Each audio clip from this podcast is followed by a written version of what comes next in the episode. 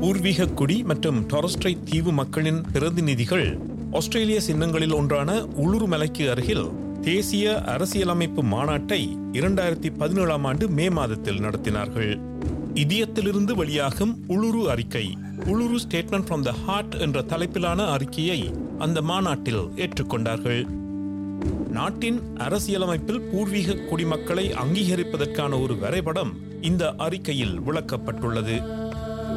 தமது இறையாண்மையை விட்டுக் கொடுக்காமல் நல்லிணக்கத்தை நோக்கி முன்னேற உண்மை நீதி மற்றும் சுய நிர்ணயத்தின் அடிப்படையில் ஆஸ்திரேலிய தேசத்திற்கும் பூர்வீக குடிமக்களுக்கும் இடையே நல்லுறவை ஏற்படுத்த இந்த அறிக்கை முயல்கிறது. தென் துருவத்தின் பல பாகங்களிலிருந்தும் வந்திருக்கும் நாம் இதயத்திலிருந்து இந்த அறிக்கையை இரண்டாயிரத்தி பதினேழு தேசிய அரசியலமைப்பு மாநாட்டில் வெளியிடுகிறோம். எங்கள் பூர்வீக குடி மற்றும் டாரஸ்ட்ரைட் தீவு மக்கள் ஆஸ்திரேலிய கண்டத்திலும் அதன் அருகிலுள்ள தீவுகளிலும் எங்கள் சொந்த சட்டங்களின் அடிப்படையிலும் பழக்க வழக்கங்களுடனும் இறையாண்மை கொண்ட நாடுகளாக ஆரம்பத்திலிருந்து வாழ்ந்திருக்கிறோம். எமது முன்னோர்கள் எமது கலாச்சாரத்தின் கணக்குப்படி படைப்பிலிருந்து நாம் இங்கே வாழ்கிறோம். அறிவியல் ஆய்வுகளின்படி அறுபதாயிரம் ஆண்டுகளுக்கு மேலாக நாம் இங்கே வாழ்கிறோம். இந்த இறையாண்மை ஒரு ஆன்மீக கருத்தாகும். நிலம் அல்லது இயற்கை ஆகியவற்றுக்கு இடையேயான எமது பிணைப்பு மற்றும் அதிலிருந்து பிறந்த பூர்வீக குடி மற்றும் டாரஸ்ட்ரை தீவு மக்கள் அதனுடன் இணைந்திருக்கிறார்கள். மேலும் நாம் அனைவரும் ஒரு நாள் நம் முன்னோர்களுடன் ஐக்கியமாகிவிட வேண்டும். இந்த இணைப்பு எம் மண்ணின் உரிமையின் அடிப்படையாகும். அல்லது சிறப்பாக சொல்வதென்றால் இறையாண்மையாகும். இது ஒருபோதும் கைவிடப்படவில்லை.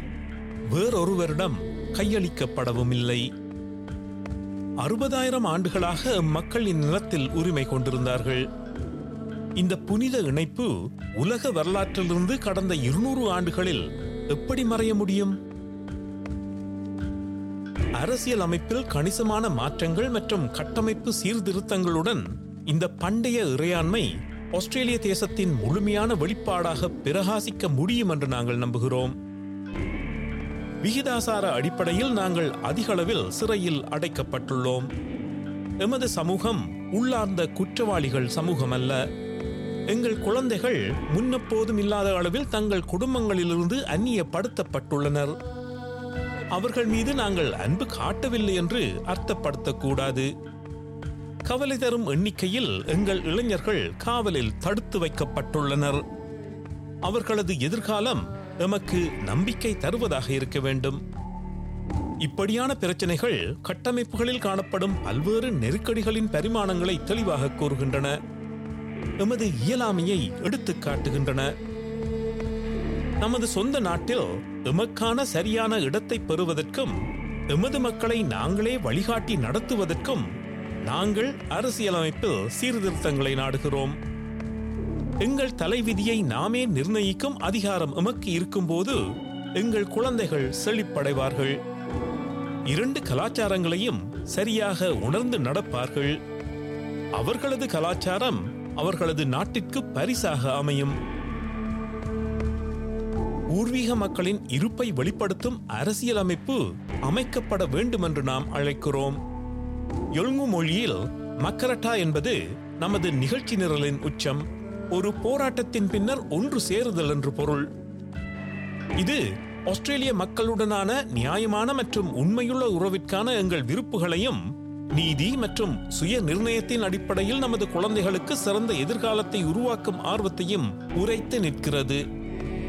அரசுக்கும் பூர்வீக மக்களுக்கும் இடையிலான உடன்படிக்கை மற்றும் எங்கள் வரலாற்றை பற்றிய உண்மையை சொல்லும் ஒரு செயல்முறையை மேற்பார்வையிட மக்கரட்டா ஆணையம் ஒன்றை உருவாக்கும்படி நாங்கள் கோருகிறோம். மக்கள் கணக்கெடுப்பில் நாம் முதன்முறையாக ஆயிரத்தி தொள்ளாயிரத்தி அறுபத்தி ஏழாம் ஆண்டில் தான் சேர்க்கப்பட்டோம். இரண்டாயிரத்தி பதினேழாம் ஆண்டில் எங்கள் கோரிக்கையை செவிமடுங்கள் என்று கோருகிறோம். எங்கள் இருப்பிலிருந்து புறப்பட்டு இந்த பரந்த நாடு முழுவதும் எங்கள் பயணத்தை தொடங்குகிறோம். சிறந்த எதிர்காலத்திற்காக நாட்டு மக்களின் இயக்கத்தில் எம்முடன் இணைந்து பயணிக்க நாங்கள் உங்களை அழைக்கிறோம்.